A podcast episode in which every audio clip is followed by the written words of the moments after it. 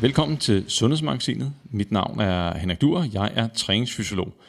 Og med mig i studiet, som altid øh, i Sundhedsmagasinet, der har vi jo dig, Eskild. Velkommen til. Tak for det. Og øh, du får lov til at fortælle lidt mere om dig selv, hvad du går og laver, til dem, som ikke øh, kender dig. Øh, det er nok de fleste, der gør det, også specielt fordi vi har mange faste lytter øh, på Sundhedsmagasinet. Men der bliver en kort intro af dig om et splitsekund. Og i Sundhedsmagasinet, der har vi som altid øh, spændende ting på programmet. Ting, som øh, jeg har fundet i løbet af den seneste måned, så, øh, som rent sundhedsmæssigt, forskningsmæssigt, er, har, har fundet vores, øh, vagt vores interesse.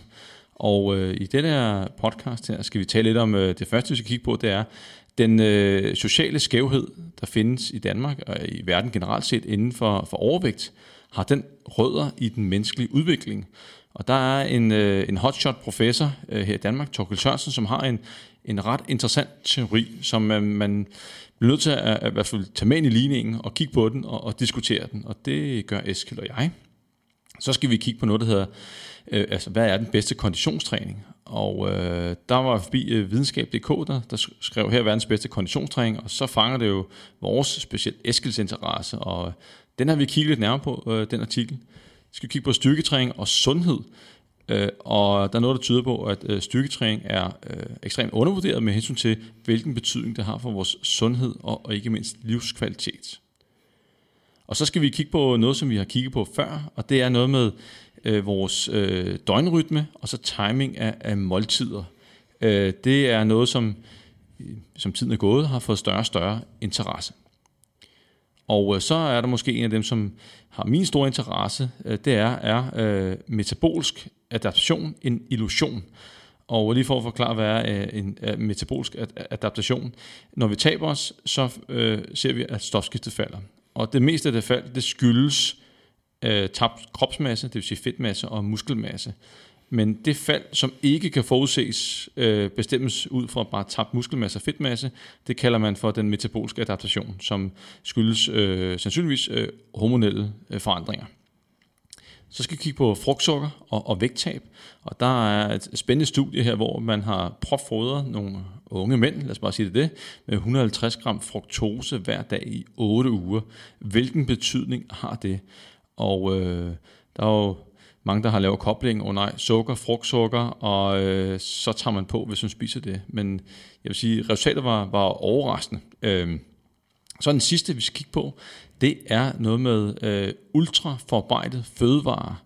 At øh, der er en spansk undersøgelse, der har kigget, sådan en tværsnitsundersøgelse, der har kigget på, øh, på en masse ældre, som øh, har spist fastfood, og så nogle, der ikke har.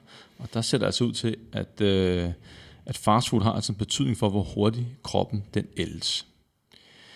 Og Eskild, lige inden vi kaster os over det første emne, så øh, fortæl lidt om øh, dig selv og hvad du går og laver. Øhm, jamen tak for det, Henrik, og tak for øh, at have fundet de spændende artikler øh, frem, som vi skal gennemgå. Jeg øh, er jo øh, idrætsfysiolog fra Københavns Universitet, ligesom du er. Vi har mødt hinanden på studiet.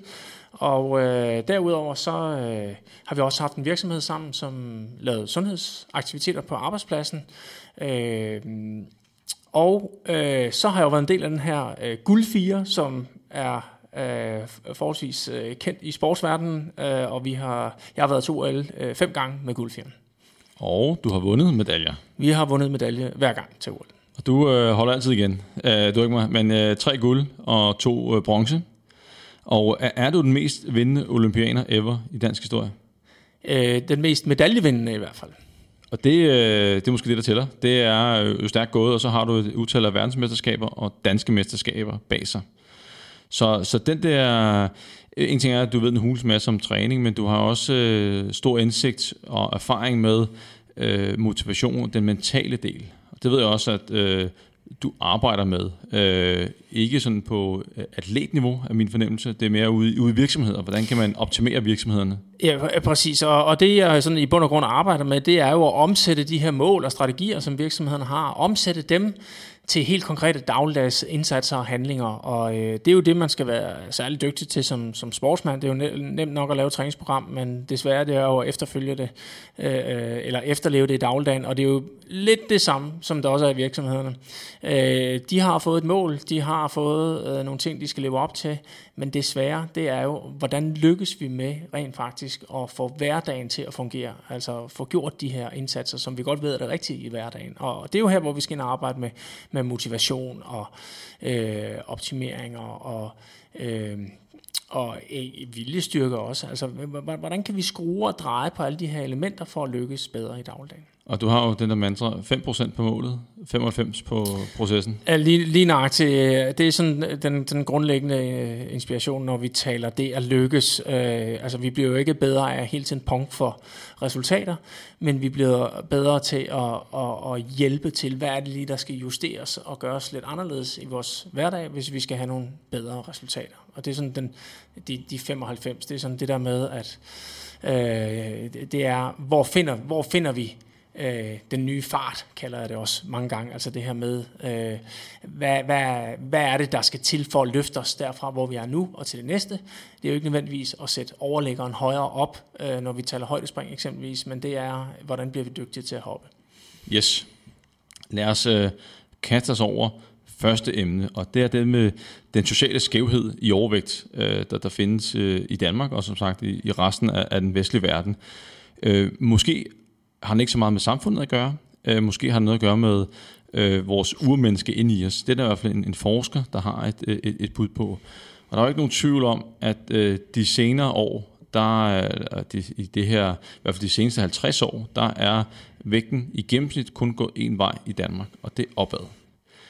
Og øh, så kan man tænke, at det er jo ikke sådan generne, hvor at der er sket en forandring, men det må være omgivelserne omkring os. Så der er selvfølgelig øh, en stor skare, og herunder mig, øh, som øh, tror på, at øh, vores samfund har ændret sig så meget, at det gør, at vi bliver mere og mere overvægtige, og det er tilgængeligheden af mad, det er reklamer, det er, vi bliver mere inaktive, flere har fået stillet siden arbejde, vi er måske mere stresset, sover dårligt, og der er mange ting, der, der kan trække i den retning. Men vi ved også, at når vi er det her fedmefremmede samfund, så er det jo ikke alle, der bliver overvægtige. Øh, der er jo nogen, som, øh, hvad skal vi sige, modstår det her. Øh, det kunne være, hvis du kigger på børn i Gentofte, så er der ikke så mange overvægtige børn der. Hvorimod tager man til uden for, for Storkøbenhavn, eller bare på Vestegnen, eller et sted i Jylland, Nordjylland, så kan man måske finde kommuner, hvor at, børnefedmen, øh, overvægten er, er 10 gange større. Så vi lever i samme samfund, men der er måske forskel på folk i skilt. Ja, der er jo øh, det her sociale skæld, som øh, vi kalder det. Altså, der er simpelthen, øh, øh, øh ja, altså typisk eksempelvis jo længere uddannelse man har, jo, jo lavere hyppighed af øh, overvægt vil man faktisk også se. Øh, det, det er ikke sådan ukendt, men, øh, men det som øh, ham her Torgild er inde på, det er jo, at øh, at faktisk det sociale skæld, det forklarer mere af overvægten, end vores spise- og motionsvaner det er jo alligevel også friskt.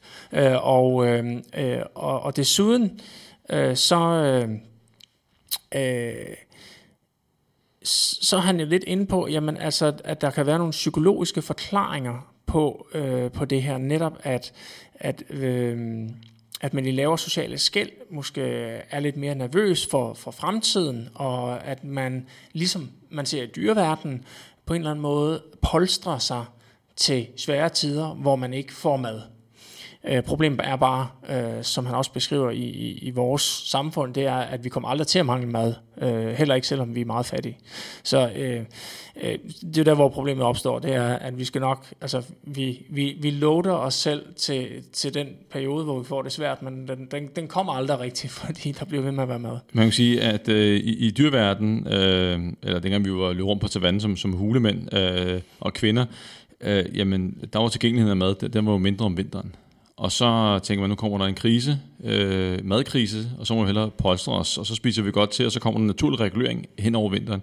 Men øh, problemet er, i 2020, i den vestlige verden, jamen så når vinteren kommer, så er der stadigvæk mad over det hele. Øh, og det er jo lidt den der måske overlevelsesmekanisme, som ligger øh, dybt i os, som øh, Torkel har et bud på, kan være en af årsagerne.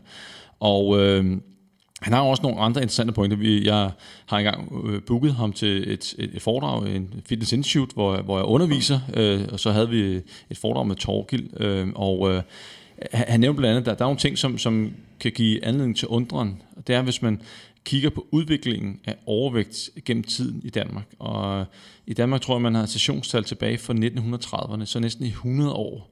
Og der har man så kigget tilbage på de der sessionstal og kigget på fødselsår og alt muligt andet, og så set på, at, at den der kurve med, med overvægt, jamen det har ikke, det har ikke været en ret linje lige siden 1930. Nej, der kommer nogle hop på vejen, øh, i 60'erne tror jeg på sessionen, og så i, i 80'erne sted, øh, så man ikke umiddelbart kan forklare, hvorfor øh, de der hop kommer. Hvorfor pludselig stiger den fem gange så hurtigt i, hen over tre fødselsovergange for dem, der er født i 1970, 71 og 72. Hvorfor er det lige den gruppe af mennesker, som bliver mere overvægtige, som tager, hvor det tager fart. Og det samme tilbage i, øh, øh jeg læste også, at øh, fra 1942, årgang 1942, øh, der startede også en, en kraftig, et kraftigt hop, og så imellem 50'erne og 60'erne, så skete der ikke noget. Og Eskild, hvad, hvad tænker du om, om de der mystiske hop?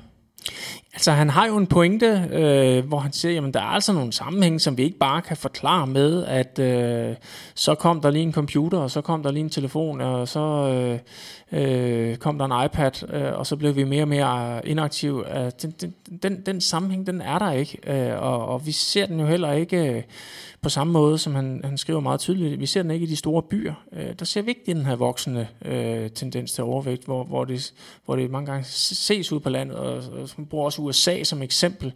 Øhm, altså vi kan ikke rigtig underbygge øh, de her sådan almene tanker omkring overvægt med, øh, med, med, med, med de her data. Øh, og der kommer han jo så ind med de her andre forklaringer.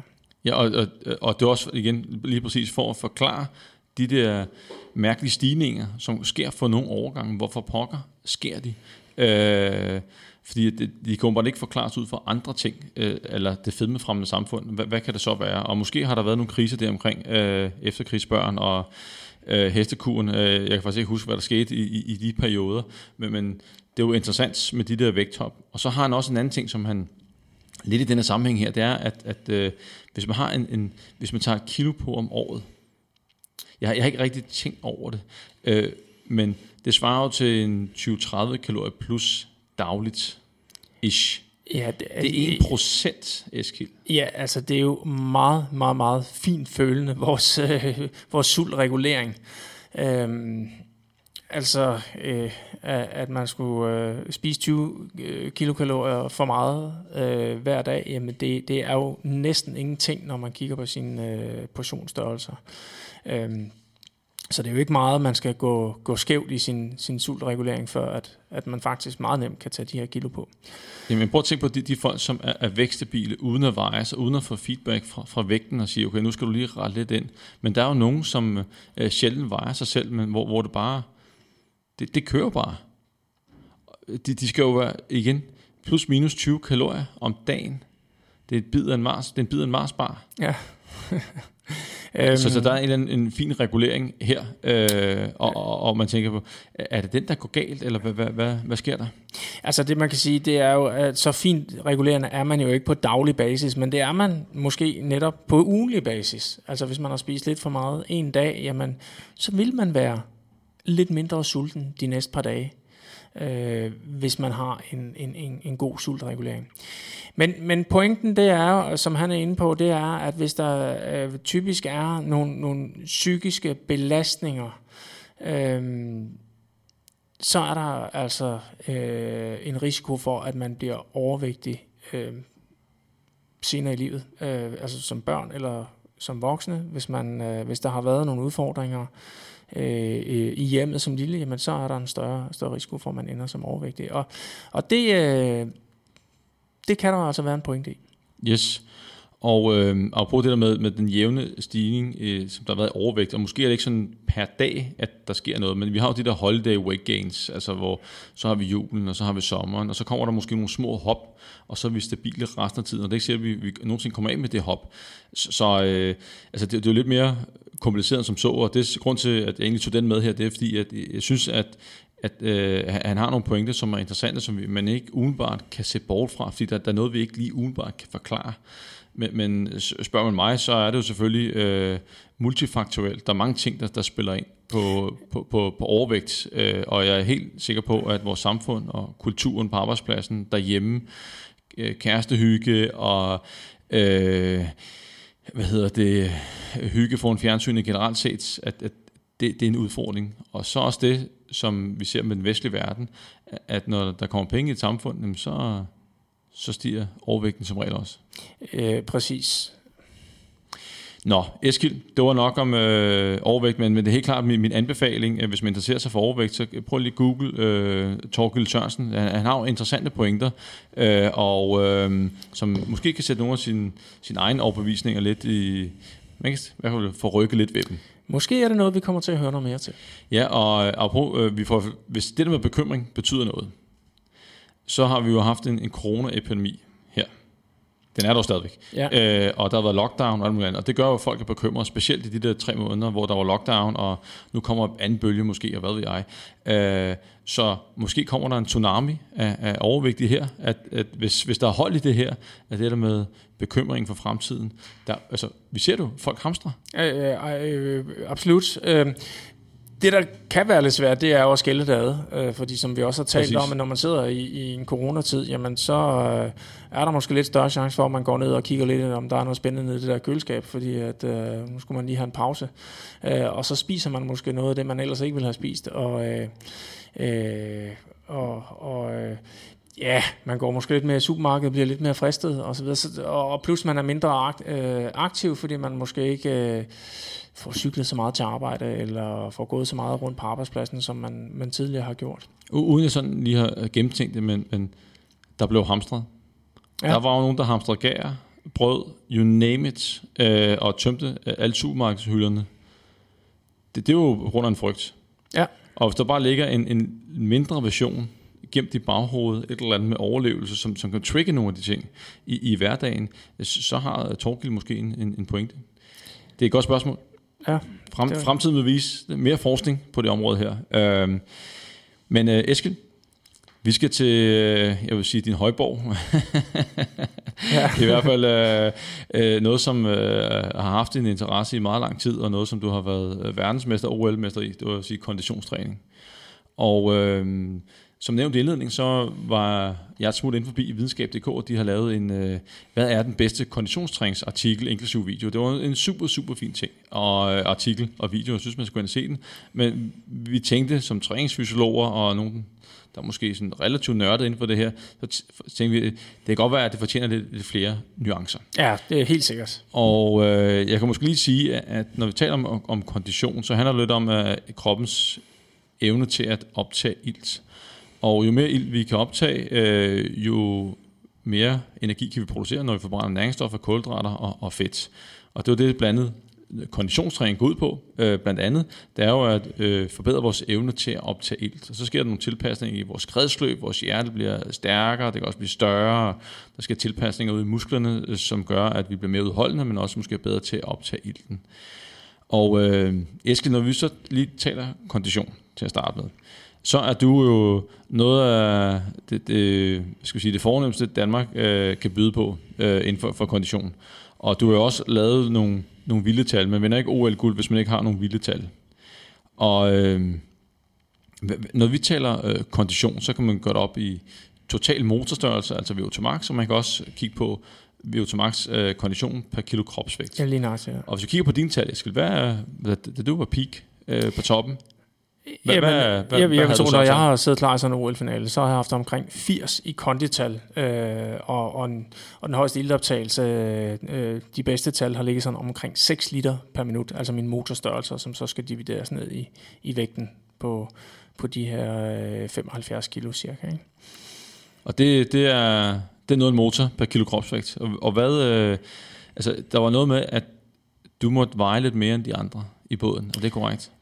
Ja, altså reglerne er, at man skal veje 70 kilo maksimalt i, i gennemsnit, altså, øh, øh, og så aftaler vi så individuelt, øh, hvad vejer du ind på, hvad vejer du ind på, Øh, og der var nogen, der så skulle veje ind på de her 69 kilo, og jeg vejede typisk ind på 72-72,5. Øh, og det er jo sådan med baggrund i selvfølgelig vores øh, fedtfri masse, men også vores øh, fysiske performance.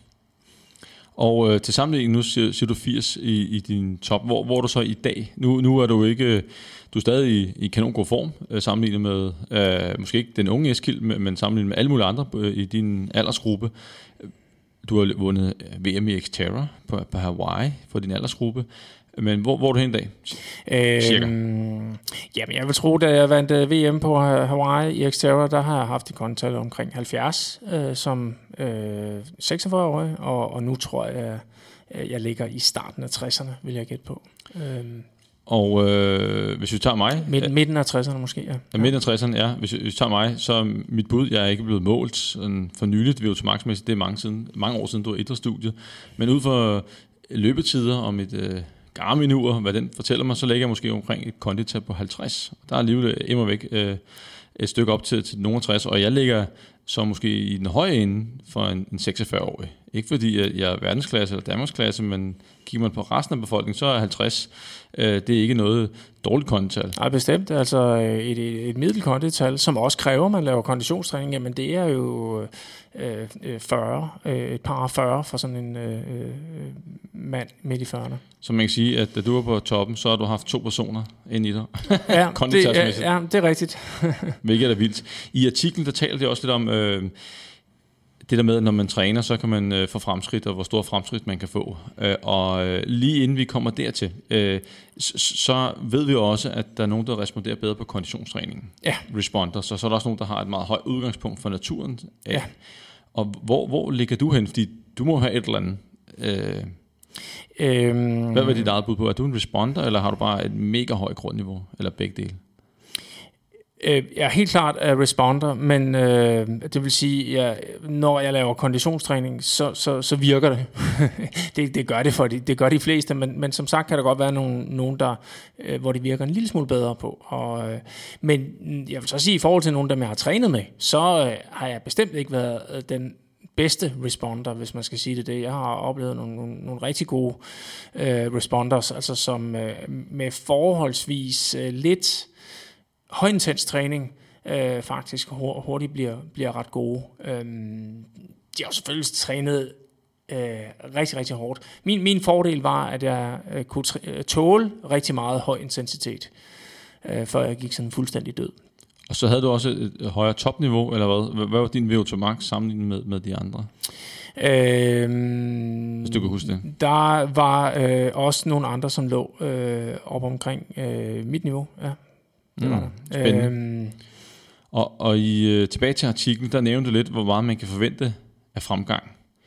Øh, ja, altså øh, i artiklen her, så står der, at øh, man i løbet af øh, to ugers træning kan forvente en, en, en øh, en fremgang på øh, 5-6%, hvis man træner med høj intensitet. Altså nu bliver der nævnt intervaltræning her, øh, men, men hvis man træner med høj intensitet i sin træning, så kan man forvente 5-6%. Øh, Og det er altså meget afhængigt af ens udgangspunkt. Absolut. Øh, hvis du altså, lå på toppen. Ja, altså hvis, hvis man har et kondital, øh, som, øh, som ja, eksempelvis som jeg har i dag på, lad os sige, øh, 65, så er det altså svært øh, og, og rykke det øh, 5-6% på to uger, det, det, det, det kan ikke lade sig gøre. Øh, Hvorimod, at har man en kondital på 25, hvis man er en ung mand og har et kondital på 25, så er man selvfølgelig i, i øh, rigtig dårlig form. Men laver man konditionstræning og effektiv træning, øh, så vil man kunne forbedre sig ret hurtigt og, og ret meget. Og det, det, det er simpelthen, jo dårligere form, jo hurtigere forbedrer man sig. Øh, plus at det, det her med procentsatsen, altså det at forbedre sig fra øh, for eksempel kondital øh, øh 25 til 30, det er altså langt, langt nemmere end at forbedre sig fra et kondital fra 60 til 65. Absolut. Så udgangspunktet er, er, er selvfølgelig vigtigt. Og så nævnte de også, at man bare skal træne med høj intensitet og, og sprinte. Og når, når jeg tænker sprint, så tænker jeg, øh, så Usain Bolt, så står man der, og så laver man 100 meter, og så er der, været nogen, der løber 400 meter. Det, det, det er sprint for mig, og, og hvad er høj intensitet? Altså det, det er jo sådan, det skal, vi skal måske lige have defineret lidt. Ja, det, det er vigtigt i den her sammenhæng, fordi der er jo mange, der siger, når høj intensitet, du skal træne høj intensitet, nå, så skal jeg spurte. Øh, nej, det skal du faktisk ikke. Øh, øh, du, du, skal, du skal løbe med en intensitet, hvor du i løbet af nogle minutter kan mærke, at du bliver sådan øh, forpustet, Øh, og at øh, pulsen selvfølgelig er, er høj. Hvis man eksempelvis har en pulsmåler på, jamen så, så, så er høj intensitet, jamen så skal man op om øh, over 80%, eller øh, måske endda over 90%, hvis det sådan skal være Og nu øh, spørger være jeg irriterende effektivt. 90 procent af hvad? af sin maksimale puls Okay, yes. øh, hvis man kender den. Øh, og der er nogle tabeller, som ikke er særlig præcise, men hvis, hvis man øh, har trænet noget tid med eksempelvis et pulsur, så vil, så vil man kunne, øh, øh, og man har givet sig øh, hårdt, for eksempel på, på en, en, en løbetur, hvor man slutter af med at løbe op ad en bakke og give den fuld gas, så, så, så vil man typisk øh, kunne se sin, sin makspuls der. Øh, og, og øh, jeg vil sige, hvis man ligger over sådan 80, øh, måske endda over 90 procent af sin makspuls, jamen, så begynder man altså at, at, at træne hjertet og konditionen rigtig, rigtig effektivt. Øh, derudover, så kan man jo godt lave anaerobt arbejde. Altså netop, du kan godt, øh, selvom du ligger med en høj puls, så kan du faktisk godt lave en mellemspurt, hvor man øh, øh, øger farten gevaldigt, men så vil man typisk få en ildgæld, øh, som så skal betales tilbage. Altså så skal, så skal hjertet øh, og, øh, øh, og lungerne, jamen, så skal de øh, fortsætte med at arbejde hårdt, og du bliver nødt til at sætte farten ned for ligesom at kompensere for den her Er, er, er, det noget, er det en måde, du træner på? Er det, Nej. øh, nej. Øh, men, men kender du for... Men jeg ved, der er øh, i nogle sportsgrene gør man det. Altså, nu har jeg eksempelvis øh, fulgt nogle af de dygtigste øh, øh, mountainbike-rytter. I stedet for for eksempel at lave et, øh, et øh, som jeg selv gør, lig, gå op, lave et øh, hårdt interval for, på for eksempel et kvarter, hvor jeg går op og, og, og ligger på en høj puls, så gør de jo mange gange det, at de øh, ligger og veksler. Øh, altså laver eksempelvis på cyklen laver øh, altså øh, helt op til måske øh, 500-600 watt i øh, en kort periode, så går de ned og laver øh, lige 300 watt i en kort periode, og så op og laver 600 watt, hvor når de laver de der 500-600 watt, så er det anaerobt arbejde, men fordi at, at de så kommer lige ned og ligger på, på 300 watt, som, Kun, kun træner hvad? Ja, 300 watt, som for dem jo i, i, øh, på elite-niveau er, er, er forholdsvis let. Men for mange er det max. Ja, for, for mange andre vil det være stadigvæk helt uoverskueligt. Øhm, men så får de netop den der kombination af, af anaerobt. Og det giver mening i en sportsgren som mountainbike, hvor du netop har nogle opkørsler og nogle nedkørsler, så du skal kunne øh, arbejde anaerobt og, og restituere hurtigt fra det. Hvorimod at øh, 10 km løber eller enkeltstartsrytter øh, på en øh, cykel eller triatleter vil måske mere lave den der jævne, hårde øh, intensitet, hvor man, hvor man går op og ligger sådan øh, en gang imellem tæt, tæt på sit max, øh, og så ellers øh, supplere op med noget udholdenhedstræning. Og, og hvordan ser din øh, træning ud? Mange gange konditionstræning om ugen. Øh, Jeg gør det, jeg gør det faktisk mange gange. Øhm, Jeg har sådan en tanke om øh, øh, det der med intensitet er enormt vigtigt at få ind i sin træning, hvis man gerne vil have et højt kondital, og også hyppighed, at man, man gør det ofte. Men, men hvis man skulle kunne øh, gøre det ofte, så kræver det også, at man ikke belaster sig så meget. Så, så jeg holder mig typisk nede på måske øh, 10, mellem 10 og 20 minutter rigtig mange af dagene. 10 til 20 minutter med, med høj intensitet, og det, det gør jeg måske 5-6 gange om ugen. Men til gengæld bliver den samme volumen, når ugen er omme. Ja, Det, det, den, er, den er stor, så på den måde får, får du det pakket ind på, på den måde. Ja, så kommer jeg op på de her øh, øh, en, øh, en til to timer med høj intensitet. Og, øh, og det er altså, øh, min tanke er i hvert fald, at, at det er, er mere effektivt at fordele lidt over øh, ugen, i stedet for at presse det sammen på, på kun for eksempel to gange om ugen. Ja, fordi man kan sige, det er jo, en, det er jo også en, en, hvad skal vi sige, en anden form for intervaltræning. Der er bare lange pauser, hvis du kan næsten køre på daglig basis. Ja. At du kører, fordi at normalt så laver man en konditionstræning, eller intervaltræning for at, at sige 5 gange 4 minutter, og måske 2 minutters pause, for at pakke en masse højintens træning ind, ind i et træningspas. Ja. Og det du så gør, det er, at du tager bare nogle lange intervaller, og så gør du det flere gange om ugen, men dine intervaller er ikke længere, end du kan nå at blive frisk til dagen efter. Ja, præcis. Men jeg tænker, der er også en forskel på, om man løber, eller om man cykler, roer, står på cross-trainer. Fordi øh, at øh, høj intensitet på en cykel, to-tre timer om ugen, kontra løb?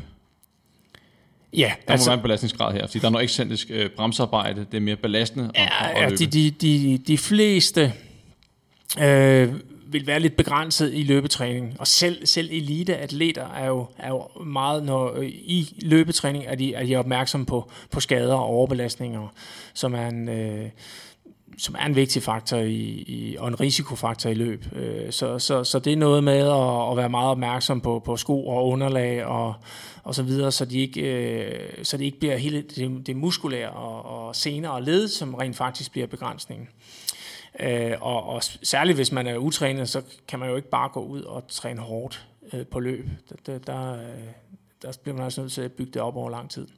Øh, hvorimod at på en cykel, jamen, der kan de fleste bare gå ud og give den gas fra starten og få en rigtig god konditionstræning, uden at, at, at have nogen specielt store risiko for skader. Så hvis man nu træner to gange om ugen derude, nok til at få en effekt, Ja. øh, så skal der jo intensitet på hver gang. Ja, det vil jeg sige. Så, øh, så to gange en halv time om ugen, hvor der er inklusiv opvarmning, 10 minutters opvarmning måske, og så giver man den gas af den cykelløb og så videre. Ja. Og så, øh, så kan man jo tage den derfra og så sige, okay, øh, hvis det nu er, at jeg gerne vil investere mere tid, øh, hvad skal man så bygge på? Hvad er så den næste? Er det så mere intensitet, samme mængde, eller skal der noget længerevarende ind, mere roligt tempo, eller skal man gøre som dig, hvor du kombinerer øh, hvad skal vi sige, træningspladser først høj intensitet, og så tager du en længere periode bagefter med øh, lav intensitet? Øhm, det, det er jo øh, alt efter mål og temperament, kan man sige. Øhm, og øh, jeg vejleder jo mange personer, og, øh, og nogle de er jo meget optaget af det her med, jamen jeg vil gerne have så effektiv træning som muligt øh, i forhold til den tid, jeg bruger på det. Øh, og så skal man jo faktisk, øh, hvis man kun har tre gange en halv time til rådighed, jamen så skal man jo faktisk prøve at, at lave de tre gange en halv time med så høj intensitet som muligt, hvis det skal være meget, meget tidseffektivt.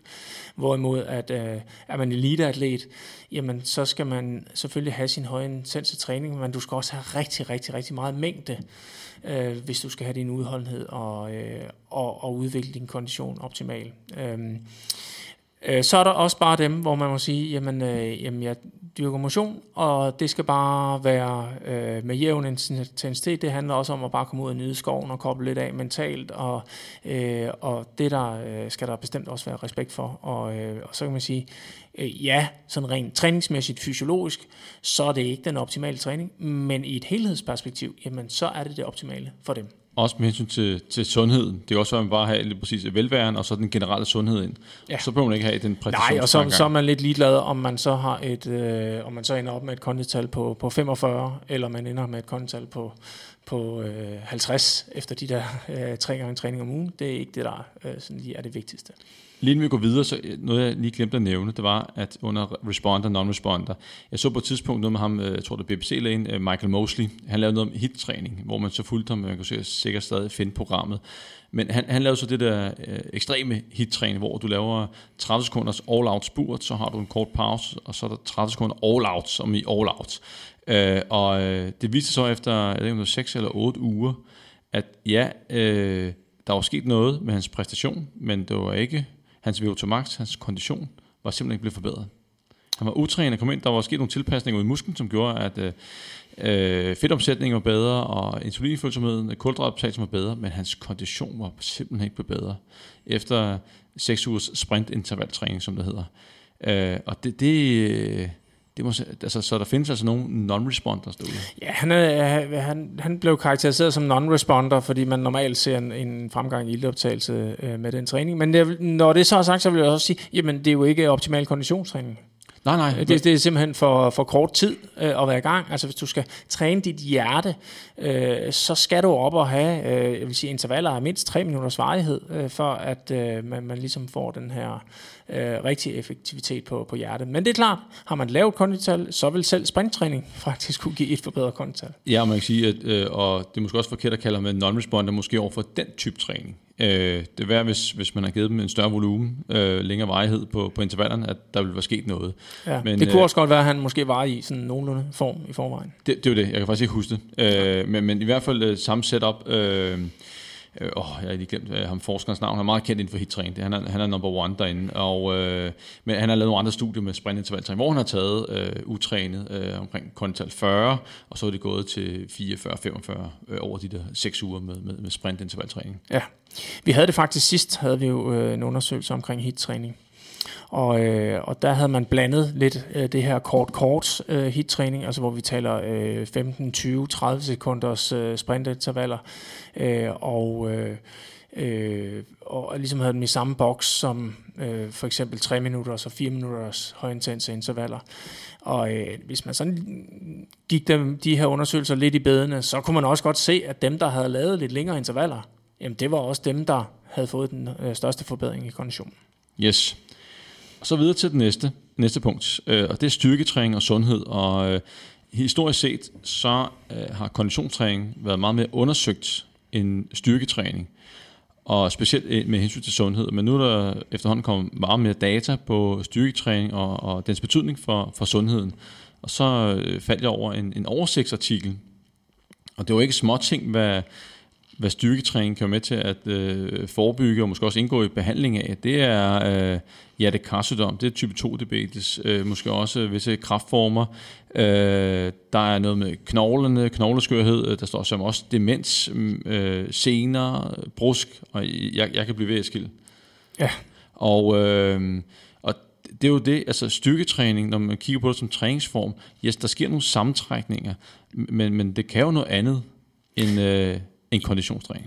Ja, lige, lige netop, og øh, som du siger, øh, styrketræning har måske historisk set været undervurderet sådan rent sundhedsmæssigt, øh, hvor vi jo, øh, konditionstræning er, er, er meget, meget øh, øh, velundersøgt øh, i forhold til vores sundhed og, og vores energiforbrug, mens øh, styrketræning er jo først sådan ved at og, og komme lidt efter det sådan rent videnskabeligt, øh, dokumentationsmæssigt, hvilken effekt det har. Øhm, og, og det, som den her artikel også understreger, det er jo, at der er altså øh, nogle, nogle fordele i styrketræning, som man ikke får med konditionstræning. Altså den effekt, du selvfølgelig får på muskelstyrken, øh, den er jo større øh, ved styrketræning, det, det er klart. Øh, faktisk din, din øh, knoglestyrke er også øh, mere optimal, bliver mere optimalt trænet med styrketræning, og øh, sener og led bliver også bedre trænet med styrketræning. Så der er altså nogle fordele her, som er større ved styrketræning. Derudover så kan man sige sådan øh, daglig, funktionel øh, arbejde med at skulle flytte ting, øh, kunne, øh, kunne bevæge sig rundt og øh, altså gøre ting i dagligdagen, jamen når man bliver ældre og svagere, jamen der er man måske i virkeligheden mere hæmmet af en øh, lav styrke end af en dårlig kondition. Øh, så, så derfor er der måske også et argument for, at styrketræning er et øh, øh, måske super vigtigt element i, i det at holde, holde sin, sin frihed og, og, og velbefindende øh, mange år op i livet. Ja, spe- specielt fordi, at øh, som du også sagde, øh, inden vi gik i gang med, med ældre, øh, hvad vil så være vigtigst, konditionstræning eller styrketræning? Det kan man jo lige tykke lidt på, fordi at, øh, som du selv sagde, styrketræning, det, det gør jo, altså hvad er hverdagsaktiviteterne for de ældre? Ja, præcis. Øh, altså konditionstræning gør selvfølgelig, at, øh, at du øh, kan tage øh, to etager af trapper, øh, inden du skal holde en pause. Øh, men øh, Øh, øh, men manglende styrke, det, øh, det sætter måske mange flere begrænsninger øh, i havearbejde, og at man kan hjælpe til med nogle ting, og, og så videre, og så videre. Hvorimod konditionstræning, jamen, det må man jo sige, det har måske lidt større effekt på de her specielt metaboliske sygdomme, altså hjertekarsygdomme, øh, også på, på kraft, og så er der noget omkring de her øh, psykiske øh, sygdomme, depression og øh, demens, øh, Ja, hvis man går ind og kigger på øh, og lige sammenligner øh, øh, skal vi sige, træningsformer, så er det ene, det er det, vi kalder, hvad skal vi sige, det er meget aerob. Det pulsen kommer op, øh, og det er mange gentagelser i det, man løber en tur eller cykler en tur, så, så, så spænding på musklen er ikke så stor. Hvorimod tager vi øh, styrketræning, så er der jo en stor, stor spænding på musklen. Det skal ikke så mange gange, men det, den spænding har måske en betydning for, for sundheden og de ting, som musklen øh, producerer og, og spytter ud i blodbanen og sender rundt andre steder i kroppen øh, og plus at, at musklen den vokser, men også op i, i hovedet, hvis man løfter tungt kontra løbe en tur. Du har jo en anden form for aktivering, øh, hvis du laver maksimal aktivering af, af, af muskulaturen. Hvilken betydning har det for hjernen, øh, vores nervesystem? Det, det er jo et godt spørgsmål, men, men så, så der bliver spillet på nogle andre tangenter, og, og hvis jeg sidder og kigger på det optimale sundhedssetup, og hvis man gerne vil gøre det bedste, man kan, og nu er jeg rundet de 40 år, så er jeg begyndt at tænke, okay, hvad er det bedste, jeg kan? Tiden, den, den, den går i den forkerte retning nu. Så er det vel en, en kombination af, af begge dele? Ja, præcis. Det er jo kombinationen, der er, er det aller, allerbedste, hvis man kan få begge dele ind, hvis man skal holde sig øh, optimalt sund og rask. Ingen tvivl om det. Og som udgangspunkt, så kan man jo starte med øh, to gange en halv time om ugen, hvor man kommer hele kroppen igennem med, med ganske få øvelser. Det er jo et, et glimrende sted at starte styrketræningsmæssigt. Ligesom vi starter med konditionstræningsmæssigt. Hvis man skal have en minimal effekt, så er det måske to gange en halv time om ugen, øh, inklusiv alt, hvor, hvor, man, hvor man kunne starte op. Øh, jeg, vil, jeg vil lige tilbage, jeg glemte at nævne noget med, med de ældre. Det er jo også, at øh, risikoen for at falde, hvis du har en større styrke, og måske også en større eksplosiv muskelstyrke, at den, hvad hedder det, øh, den er større. Og... Øh, og vi ved også, at, at jo sværere vi bliver, du, du nævnte med, med livskvaliteten, det er, at, at øh, risikoen for, at vi får brug for hjælpemidler til at komme rundt, og der kommer måske nogen, der hjælper os dem med at købe ind og, og, og gå i bad og på toilettet, og hvad ved jeg, at, at det, det bliver så også øh, udskudt. Ja. Plus at man ved fra operationer, det havde vi også for en del sundhedsmagasiner øh, tilbage, hvor man kiggede på svage ældre, der kom ind til en operation. Jo sværere man var, jo større var risikoen for at dø inden for de næste 3-6 måneder. Og det var sådan som moderate operationer, som gallestensoperationer. Og det er klart, at det kommer ind som en buff ældre, altså man kan også se bare stor muskelmasse, øh, kontra en, som ikke er i, har så meget muskelmasse, som er måske er tynd, så man kan godt regne ud, hvem der måske er mest robust øh, i den periode bagefter. Præcis. Øh, nu, og nu siger du så netop det her med øh, risikoen for at falde. Men jeg vil så sige, når man falder, eller hvis man falder, øh, så vil man jo også med stærkere led øh, og knogler og senere øh, have en, en mindre risiko for at rent faktisk at komme til skade. Yes. Emneskift. Nu er det tid til at kigge på øh, det med øh, døgnrytme og så øh, det at spise. Og øh, jeg vil sige, at øh, sådan historisk set, der hvor jeg er, begynde at kigge lidt mere ind i det her med døgnrytme øh, og, og om kost og hvornår man spiser sin mad. Øh, nu underviser jeg på Fitness Institute, og sådan nogle år tilbage, der lavede vi sådan en lille video, sådan en lille promo-video til, til Facebook, hvor vi havde en diætist til at sige, øh, det du spiser efter klokken 18, det sætter sig om natten, og så sagde jeg, det, det var en skrøne. Og så var der en, der hed Jens Lund, han er i gang med sin Ph.D. nu på Rigshospitalet, hvis nok, øh, og med overvægt. Han er også den side, der er det på sagen. Han, øh, han kommenterede det på, ah, det er måske lidt mere nuanceret end det. Og øh, så kigger vi lidt efter, og det, han er sgu nok ret i, at der, der er måske noget der, det er ikke lige meget, hvornår på dagen, at øh, man indtager de her kalorier. Der er en forskel. Selvfølgelig er det ikke altafgørende for overvægt osv., men, men det, at vi har en døgnrytme, øh, vi har, vi har tidligere set det med motion, øh, at der er forskel på at træne tidlig morgen og sen aften. Og Eskild, det er jo ikke lige meget, hvornår vi spiser på dagen. Nej, det har det jo vist sig, at øh, en kalorie er måske ikke bare en kalorie. Øh, der er nogle nuancer bag ved det. Øh, og vi havde jo tidligere det her forsøg, hvor det var, at man havde øh, to grupper af overvægtige kvinder med øh, BMI på 32,4. Øh, og de blev altså sat på en kaloriediæt øh, på 1400 kilokalorier begge grupper. Men det, der var forskel på de her to grupper, det var, at øh, den ene gruppe fik øh, en ret stor del af kalorierne om morgenen. Altså de fik faktisk halvdelen, 700 kilokalorier om morgenen, og så fik de så 500 og 200. Øh, den anden gruppe øh, var det omvendt. Altså det fik de en, kun en lille portion til morgenmad, og så øh, den store med de 700 kilokalorier fik de om aftenen. Øh, og der viste det sig faktisk, at de her... Øh, øh, morgenmadsgruppen, som det hedder, altså dem, der fik den store morgenmad og den lille aften morgen, øh, måltid, de øh, tabte sig altså mere øh, og havde langt mindre øh, triglycerider i blodet, end, øh, end dem, der fik den store aftensmad. Og øh, ja, og man kiggede jo også lidt på deres aktivitetsniveau og så videre. Det var altså meget det samme. Og øh, man konkluderede, øh, lavede nogle målinger og konkluderede lidt, at, at øh, hvad var grunden til, at, øh, at det var mere fordelagtigt at, at spise den store morgenmad og have en lille øh, aftenmåltid? Og det var, at, at kroppen på en eller anden måde bedre kunne kapere de her specielt kulhydraterne bedre om morgenen. Man, øh, insulinfølsomheden var bedre, som betød, at øh, de her mange kulhydrater, de øh, faktisk blev omsat til øh, glykogen, altså sukker i muskler og i lever, øh, hvor... Øh, som er jo kroppens lager for, for sukker. I stedet for, når man indtog øh, mange kulhydrater om aftenen, jamen, så var der altså en risiko for, at de øh, blev i blodbanen, og potentielt også øh, noget af det blev omsat til fedt. Ja, og man spekulerer stadigvæk over, hvad, hvad årsagen er øh, til, at, at, at, at, der er en, øh, skal vi sige, at folk måske taber sig mere ved at tage det store måltid øh, om morgenen, og så det, det, det lille om, om aftenen. Øhm, men, men der er en ting, er sikkert, som man også har kigget på i, i de undersøgelser her, det er jo, at man, når man tager blodprøver på folk, og måler på den, øh, blandt andet den hormonelle profil, så sker der jo ting og sager. Øh, hvordan hvad skal vi sige, man responderer på måltid, lige inden sengetid, øh, og, øh, og så øh, kontra tidligere morgen efter en, hvad skal vi sige, i princippet en, en, over, øh, en overnight fast, eller at man har fastet hen over natten, som man, som man jo gør. Øh, så, så der sker altså øh, et eller andet der. Øhm, men selvfølgelig, når vi så taler vægttab, så er det, hvad skal vi sige, ordentligt set, så handler det om, om kaloriebalancen. Øh, men der er måske et lille trick her, man kan eksperimentere med, øh, for at se, at, at måske, hvis man det passer en bedre at spise det store måltid om morgenen, og så lidt lidt om aftenen, måske kan det give lidt ekstra. Altså det er, man skal jo tænke lidt på det som, øh, som det her med, må, måske er det bare lettere at komme i mål, med sit, øh, sit vægttab, hvis man har den her strategi. Øh, eller holde sig vægtstabil med den her strategi.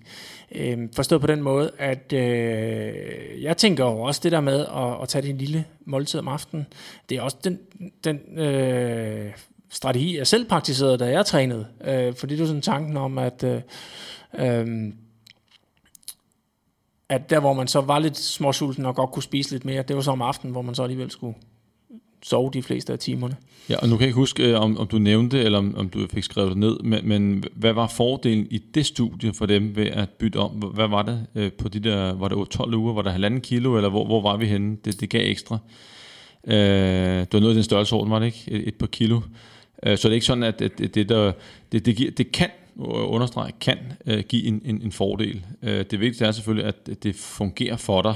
Øh, men, men jeg har helt klart den holdning, at man skal prøve at eksperimentere lidt. Hvis man ikke har prøvet det, så ved man ikke, hvordan det er. Og, øh, det handler om at, om at være nysgerrig, og så kan man jo prøve at ændre lidt på, på fordelingen af kalorierne i løbet af dagen, og se om, om det fungerer for en, og om det giver lidt mere. Og det er lidt ligesom mange andre ting i forbindelse med vægttabet. Det, det er kun en god idé at eksperimentere, øh, og så lære af det, og så man tænke på, at man, man fejler. Øh, men få en erfaring og, og blive klogere.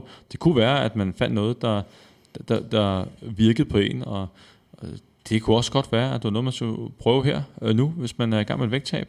Se om man kan omfordele kalorierne, lige så vel som når, når folk faster 5-2 eller øh, spiser mellem kl. 12 og kl. 8, at det også måske fungerer for nogen.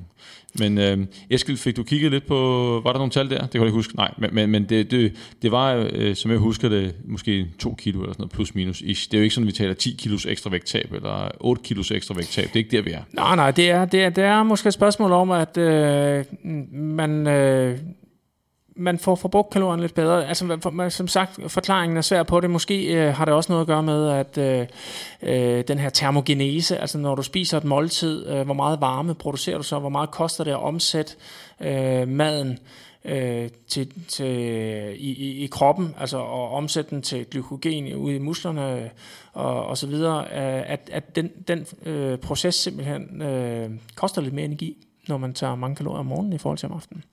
Ja, det er sådan nogle nuancer, som gør, at man måske lige over en periode smider lidt flere kilo.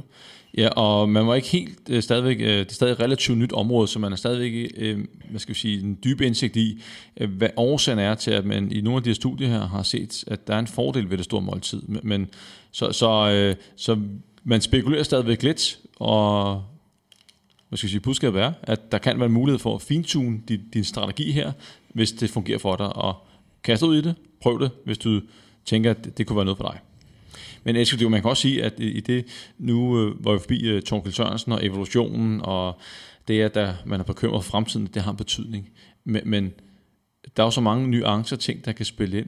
Tænk nu, hvis, øh, det her det er jo også en lille bit nuance. Altså det med, som du siger, på en måde er en kalorie jo ikke en kalorie, fordi at det er måske afhængigt af, hvornår på dagen du spiser den. Ja.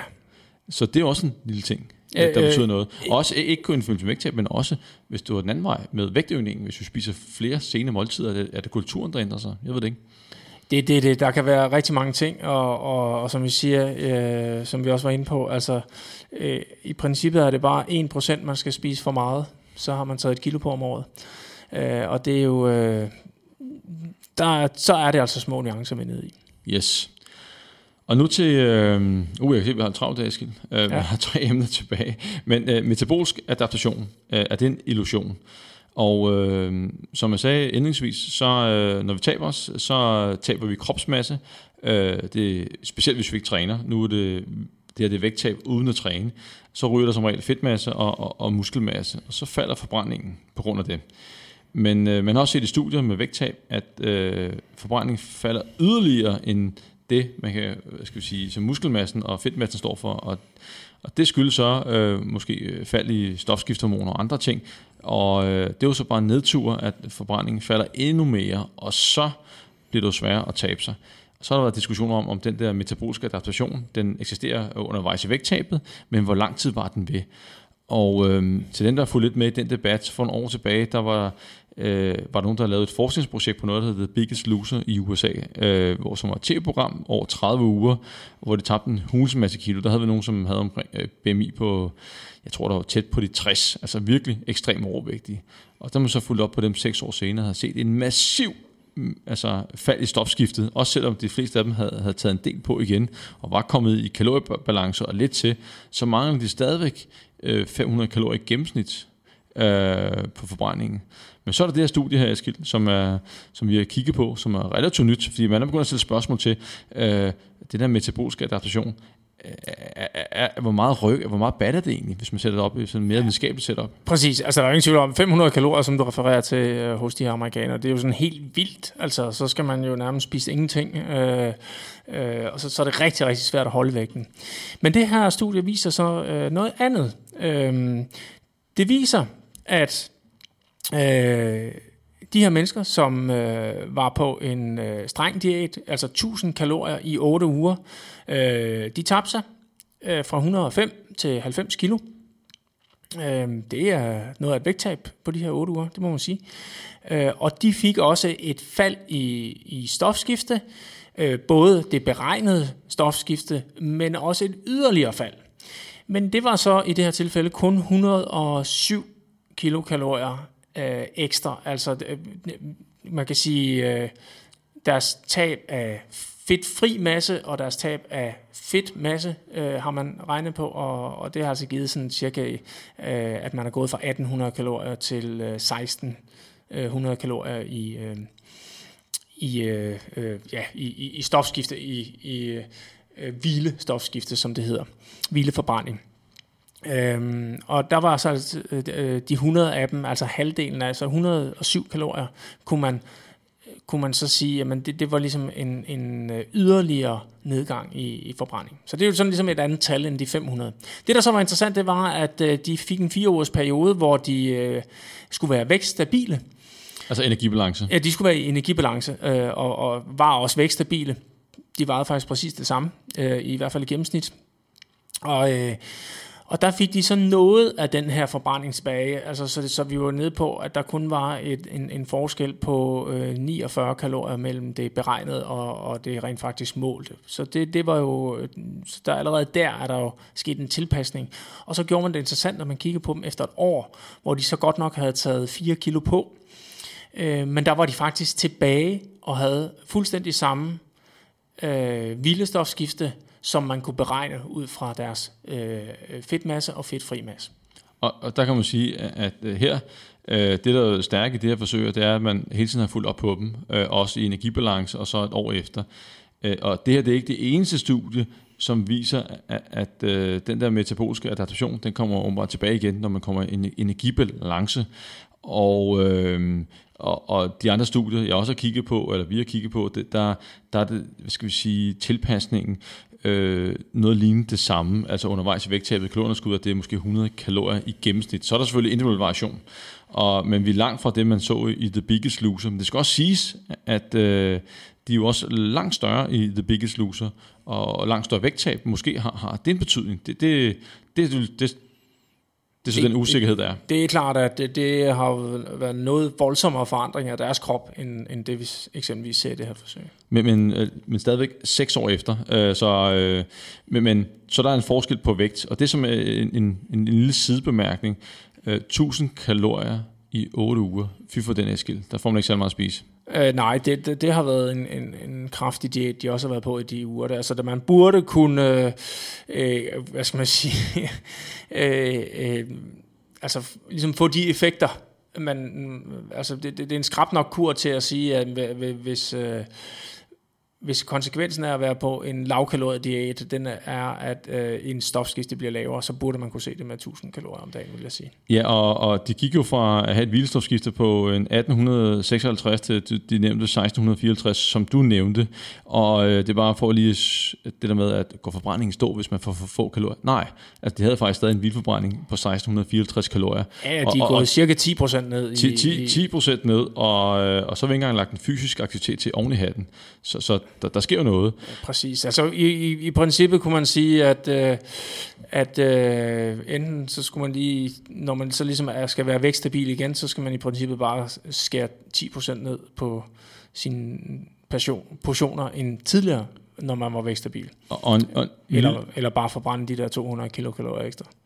Det, som også er interessant, når man kigger på resultaterne øh, fra den undersøgelse, det er blandt andet, når man kigger på det, der hedder fedtfri masse, som er et udtryk øh, for muskelmassen. Og den fedtfri masse, det er altså alt det, som ikke er, er fedt. Så det er selvfølgelig muskelmasse som den største del. Der er knogler, der er organer. Og sker der en ændring her, så er det et udtryk for, at, øh, at muskelmassen den, den ændrer sig. Og det, der skete her, det var, at øh, de tabte 2,4 kilo fedtfri masse. Og øh, som sagt, det er jo et vægttab. Øh, og formålet med et vægttab er selvfølgelig at komme af med, med fedtet og ikke med muskelmassen, men det er fuldstændig klassisk, øh, når man ikke inddrager træning som en del af vægttabsstrategien, så vil der ryge muskelmassen og, og, og muskelmasse, og det er det her, øh, den her undersøgelse også et, et, skal sige, et, et fint eksempel på. Og det bedste, man kan gøre, hvis man vil holde på muskelmassen undervejs, det, det er selvfølgelig at, at træne, og måske allerbedst øh, styrketræne. Og øh, hvis nu det har styrketrænet i denne undersøgelse her, hvordan ville det så se ud med øh, faldet i forbrænding? Fordi at øh, øh, muskelmasse bruger mere energi i, end fedt i hvile, og øh, vil den øh, metaboliske adaptation, vil, vil den øh, være blevet mindre, hvis det var, at man ikke havde tabt så meget muskelmasse? Det er, øh, hvad skal vi sige, øh, spekulation, men øh, helt sikkert noget, der vil overordnet set vil påvirke forbrænding positivt, det er, at man ændrer muskelmasse, så tabet ikke, at forbrænding ikke bliver så stort. Øhm, det, som man også skal huske med de resultater i forhold til eksempelvis Biggest Loser, som havde et BMI på, gennemsnit BMI på øh, 58, her er det om, hvis det er omkring øh, 35. Så der er selvfølgelig en forskel her. Øhm, det, som også er interessant, det er, at øh, vi har jo ikke kigget på sådan fitnessatleter. Det var interessant at se et tilsvarende studie på fitnessatleter, hvor at fedtprocenten skal endnu længere ned. Og der er måske noget om, at jo, jo, jo lavere ens fedtprocent er, jo tættere man kommer på, jeg skulle sige, 0, desto sværere øh, bliver det at komme af med den, den sidste fedtmasse. Og der kan man jo godt forestille sig, at, at øh, det vil også have en betydning for den metaboliske adaptation. Øhm, når man sådan rent anekdotemæssigt hører historien fra, fra fitnessverdenen, så øh, hører man om, at, at folk ikke får særlig meget op til konkurrencen. De fleste, ikke særlig mange kalorier, og de træner helt vildt. Og alligevel, så er der nogen, der, der ser øh, måske det vil sige, lidt bløde ud på scenen, og ikke når ned i, i den fedtprocent. Og selv med til, sammen med Københavns øh, Universiteter, at følge nogle bikini fitnesspiger over 11 måneder, 11 måneder. Og øh, en ting er, hvad indrapportere koster træningsmæssigt, en anden ting er måske, hvad virkeligheden viser. Men der kunne vi da se, at der var, der var nogen, som ikke rykker så voldsomt øh, på, øh, på fedtprocenten. Måske er der blevet underrapporteret, det, det er svært at sige. Men det kunne være interessant også at kigge på den målgruppe. Hvad sker der, når fedtprocenten øh, bliver lavere og lavere og lavere? Bliver den der metaboliske adaptation, bliver den så mere og mere udtalt? En anden ting, som man heller kan tage højde for i det undersøgelse her, inden man lige øh, parkerer den og siger, at det der metabolske adaptation, det betyder ikke noget. Øh, det er kun 100 kalorier i gennemsnit. Der er selvfølgelig også individuel forskel her. Nogle bliver hårdere ramt end andre, nogle bliver slet ikke ramt. Men øh, hvilestofskiftet, som man har kigget på her, er kun en del af, af det samlede energiforbrug. Og er man nogenlunde øh, inaktiv, så er det måske 60-65 procent, at det udgør. Øh, resten er primært fysisk aktivitet. Og det vil sige, har man nogen, som er fysisk aktiv og, og giver en gas i træningscenter, eller, øh, så er der også øh, måske en, en væsentlig stor del, som man ikke bliver taget hensyn til. Og hvis der også sker nogle tilpasninger her, at man måske bliver mindre eff, mere effektiv, så man ikke forbrænder så mange kalorier, når man træner, på grund af de øh, metaboliske tilpasninger, der sker, øh, så er det jo også interessant at kigge på den del. Øh, det jeg forsøger at sige, det er, at hvis man før øh, gik i gang med vægttabet, fyrede 400 kalorier af, og man lavede præcis det samme stykke arbejde efterfølgende, så er man måske forbrændt mindre, fordi man er blevet mere effektiv. Nyttevirkningen af, af stedet. Øh, det er der nogen, der spekulerer i, kan lade sig gøre. Lige så vel som der er nogen, der spekulerer i, at øh, de kalorier, vi indtager, måske bliver man bedre til at øh, optage endnu mere. Øh, det er jo ikke 100% af alle kalorier, der kommer ind på os, der, der bliver optaget. Øh, så det ved vi heller ikke noget om, inden vi bare øh, siger, at øh, metabolisk øh, adaptation er, er en illusion. Øh, det er det måske ikke øh, undervejs i vægttabet. Men når vi så rammer energibalance, så er der noget, der tyder på, i hvert fald på vildstofskifteniveau, at øh, denne her, øh, den, den, bliver, den kommer tilbage øh, til normalen. Og øh, så kan man i hvert fald frikende den del, når vi kigger på, øh, hvad er det årsagen til, at folk øh, tager på igen efterfølgende. Og øh, jeg måske undre over, hvorfor Eskil ikke har sagt noget, men Eskil han har faktisk øh, smuttet i mellemtiden, og det skyldes, at vi har haft øh, to strømafbrydelser undervejs, og den, den sidste, den varede så lang tid, at Eskil han blev nødt til at, at, at gå, øh, så han nåede ikke at, at, at, at sige farvel. Og hvis man har lyttet lidt med undervejs, så har der måske også været et, et par mærkelige klip, og det var fordi, at strømmen gik midt øh, under øh, vores øh, udsendelse. Så der er egentlig øh, kun mig tilbage til at tage de sidste to øh, undersøgelser, men øh, det skal jeg skam nok klare. Så øh, sid med og, og lyt øh, på det sidste. I den næste undersøgelse, som øh, jeg har medbragt her til Sundhedsmagasinet i denne udgave her, det var øh, omkring frugtsukker og, og vægttab. Øh, eller faktisk gik øh, undersøgelsen mere på frugtsukker og hvad sker der omkring... Øh, hvad skal vi sige, fedt i blodet og fedt omkring leveren. Øh, fruktose øh, ser ud til at være, hvad skal vi sige, øh, der var en sammenhæng mellem indtagelsen og, øh, og sygdomsforløbet med hensyn til en ikke-alkoholisk fedtlever øh, ifølge den her undersøgelse her. Og øh, det, de så gjorde i, i den undersøgelse, det var, at de gav øh, nogle unge mennesker, unge, 28 år, og med et helt normalt BMI 22, så de, de var slanke. Dem gav man 150 gram fruktose hver dag i 8 uger, for så at se på, hvad, hvad sker der. Og øh, det kan man hurtigt regne ud, det, det svarer til øh, i hvert fald 150 gram slik om dagen, der, der lige skal køres indbords oveni deres normale øh, kost. Og de blev så sammenholdt med faktisk nogle øh, patienter, øh, som har øh, fedtlever.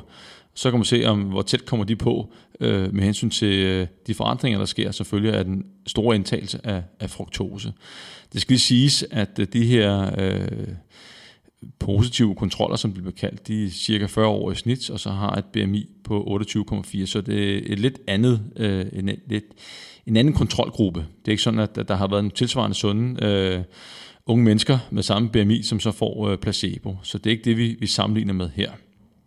Men øh, det, der overraskende sker efter de 8 uger på fruktose, øh, det er, at øh, vægten faktisk er uændret.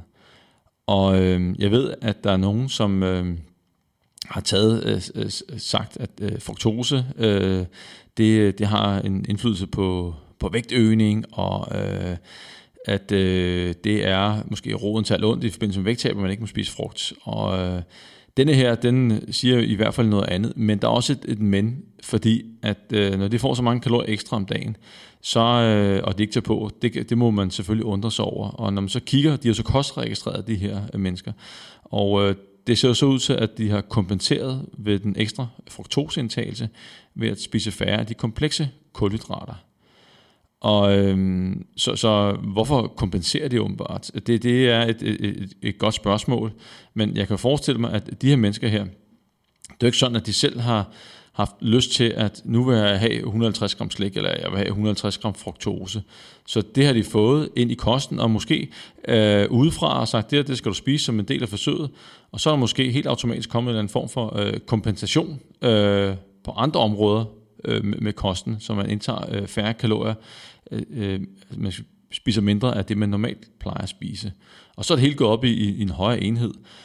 Og øh, det skal man bare huske at have, have i baghovedet, at når, når man ser, at folk kaster den her undersøgelse på banen, jeg har set nogen øh, på Instagram også hive den her frem her, øh, så der er noget her, man, man ikke helt har taget højde for. Men uanset hvad, nu er de vækstabile, og efter de 8 uger med 150 gram ekstra fruktose i kosten, jamen så var der deres, øh, deres blodtal, øh, blodværdier, de var stort set øh, så godt som uforandret. Så det at øh, indtage de der ekstra øh, fruktose, det, det betød faktisk ikke noget. I hvert fald ikke så længe de her, de var, de var vækststabile. Og øh, når vi så er ved fruktose, så øh, frugtsukkeret her, så øh, er det jo fuldstændig tilladt at, at spise øh, som en, en del af et, øh, hvad skal vi sige, et vægttabsforløb, og selvfølgelig på, på naturlig form, det vil sige igennem øh, frugt. Og man skal huske, at når, når man får øh, frugt, jamen, så er der jo også vitaminer, mineraler og kostfiber i. Øh, der kommer noget næring, der kommer også noget mæthed, plus der er kostfiber, og der er også masser af væske bundet i et, eksempelvis et æble, så man får øh, relativt meget mæthed og sundhed for, for 100 øh, kalorier. Så man må endelig ikke være nervøs for... Øh, hvad skal vi sige, for frugtsukker, slet ikke på, på naturlig form. Okay, lad os hoppe videre til den aller sidste undersøgelse. Og øh, det var den med fast food, eller ikke fast food, det var ultraforarbejdet mad, øh, som var blevet sat i forbindelse med øh, en hurtigere aldring. Og øh, det er en, en spansk undersøgelse her, et såkaldt tværsnitsstudie, hvor at øh, overskriften er, at en højere indtagelse af øh, ultraforarbejdet mad, øh, det kunne eksempelvis være, være hvidt brød, øh, leverpostej, øh, pølse, øh, alle mulige former for kager, is og, og så videre, at det var forbundet med en, en kortere telomerlængde. Og det er et øh, tegn på, at øh, øh hvad skal vi sige, at øh, cellerne, ens øh, kroppens celler, de, de ældes. Og øh, det, som var interessant her, øh, det var, at de har taget de der 886 voksne i en alder fra 57 til 91 år. Og øh, så har de givet dem et, et, et spørgeskema, hvor de har spurgt ind til øh, deres, deres kostvaner, og hvor meget, øh, selvfølgelig herunder, hvor meget ultraforarbejdet mad de fik. Og der var også inddelt i, i forskellige øh, kategorier. Og øh, det, som man så umiddelbart tænker, det er, okay, det er klart, hvis man får meget ultraforarbejdet mad, jamen så ved vi, at næringsværdien den er ikke så høj, og det er mættesværdien per kalorie nok heller ikke. Så må ikke, at de er overvægtige. Øh, og det er det, der er årsagen til, at de øh, har en, en kortere øh, telomerlængde. Øh, men øh, det har de selvfølgelig til højde for i, i sådan en undersøgelse her. Så i, når de kigger på, på data her, spørgeskema-data, og kigger på de prøver, de har taget, øh, og skal præsentere tallene, så har de taget højde for alder, køn, øh, uddannelsesstatus, øh, øh, hvor lang uddannelse har de, deres BMI og herunder vægten, øh, historik i familien med hensyn til sukkersyge og diabetes, forekomst af kræft, øh, sukkersyge og andre ting, ryger de, fysisk aktivitet, alle de ting at tage med ind i ligningen, har de forsøgt at korrigere for. Og øh, selvom man har justeret for alle de ting, så fandt de stadig en forskel mellem dem, som ikke spiste særlig meget, ultraforarbejdet mad, kontra øh, dem, som spiser rigtig øh, meget mad. Øh, ud på den her kan man jo ikke øh, ultraforarbejdet mad. Øh, ud på den her kan man ikke sige, hvorfor, øh, hvad er årsagen til, at, øh, at øh, den her telomerlængde er, er kortere. Og det er jo selvfølgelig interessant, hvis man har lavet længerevarende undersøgelser, hvor man har haft en gruppe, som øh, har spist ultraforarbejdet mad, og en anden ikke har, og så se, hvad, hvad, hvad sker der så undervejs. Men her, det, det, det er bare et, et, et tværsnit. Og øh, og så gætter man selvfølgelig på, hvad, hvad, hvad kan årsagen være? Er det en større inflammation, øh, øh, der, der gør, at, at, øh, at den her telomerlængde, den, den øh, bliver kortere, eller den ser, ser ud til at være kortere hos dem, som spiser meget øh, af det ultraforarbejdet mad. Man ved ikke noget om det, så det er bare en, en konstatering, og måske øh, endnu en... Øh, endnu en opfordring til at være opmærksom på øh, det, man spiser, og skal ned for det ultraforarbejdede mad. Ikke at man skal undgå det, det er forbudt, men øh, når man har nogle kalorier hver dag, man skal investere i mad, øh, så er det nok øh, bedst at investere dem der, man får mest øh, hvad skal jeg sige, næring og, og sundhed for pengene. Og så stadig lade der være plads til, til noget, der er ultraforarbejdet mad, hvis det, hvis det er noget, man virkelig øh, sætter pris på. Okay, jamen det var alt for øh, Sundhedsmagasinet i denne omgang her, og så vil jeg gerne sige tak til Eskil. Øh, selvom du ikke er her, så håber jeg, at du måske hører det her. Tak fordi du kan deltage endnu en gang i, i den her podcast her, Sundhedsmagasinet. Og så vil jeg sige tak til alle jer, der lytter med. Vi høres ved. Hej.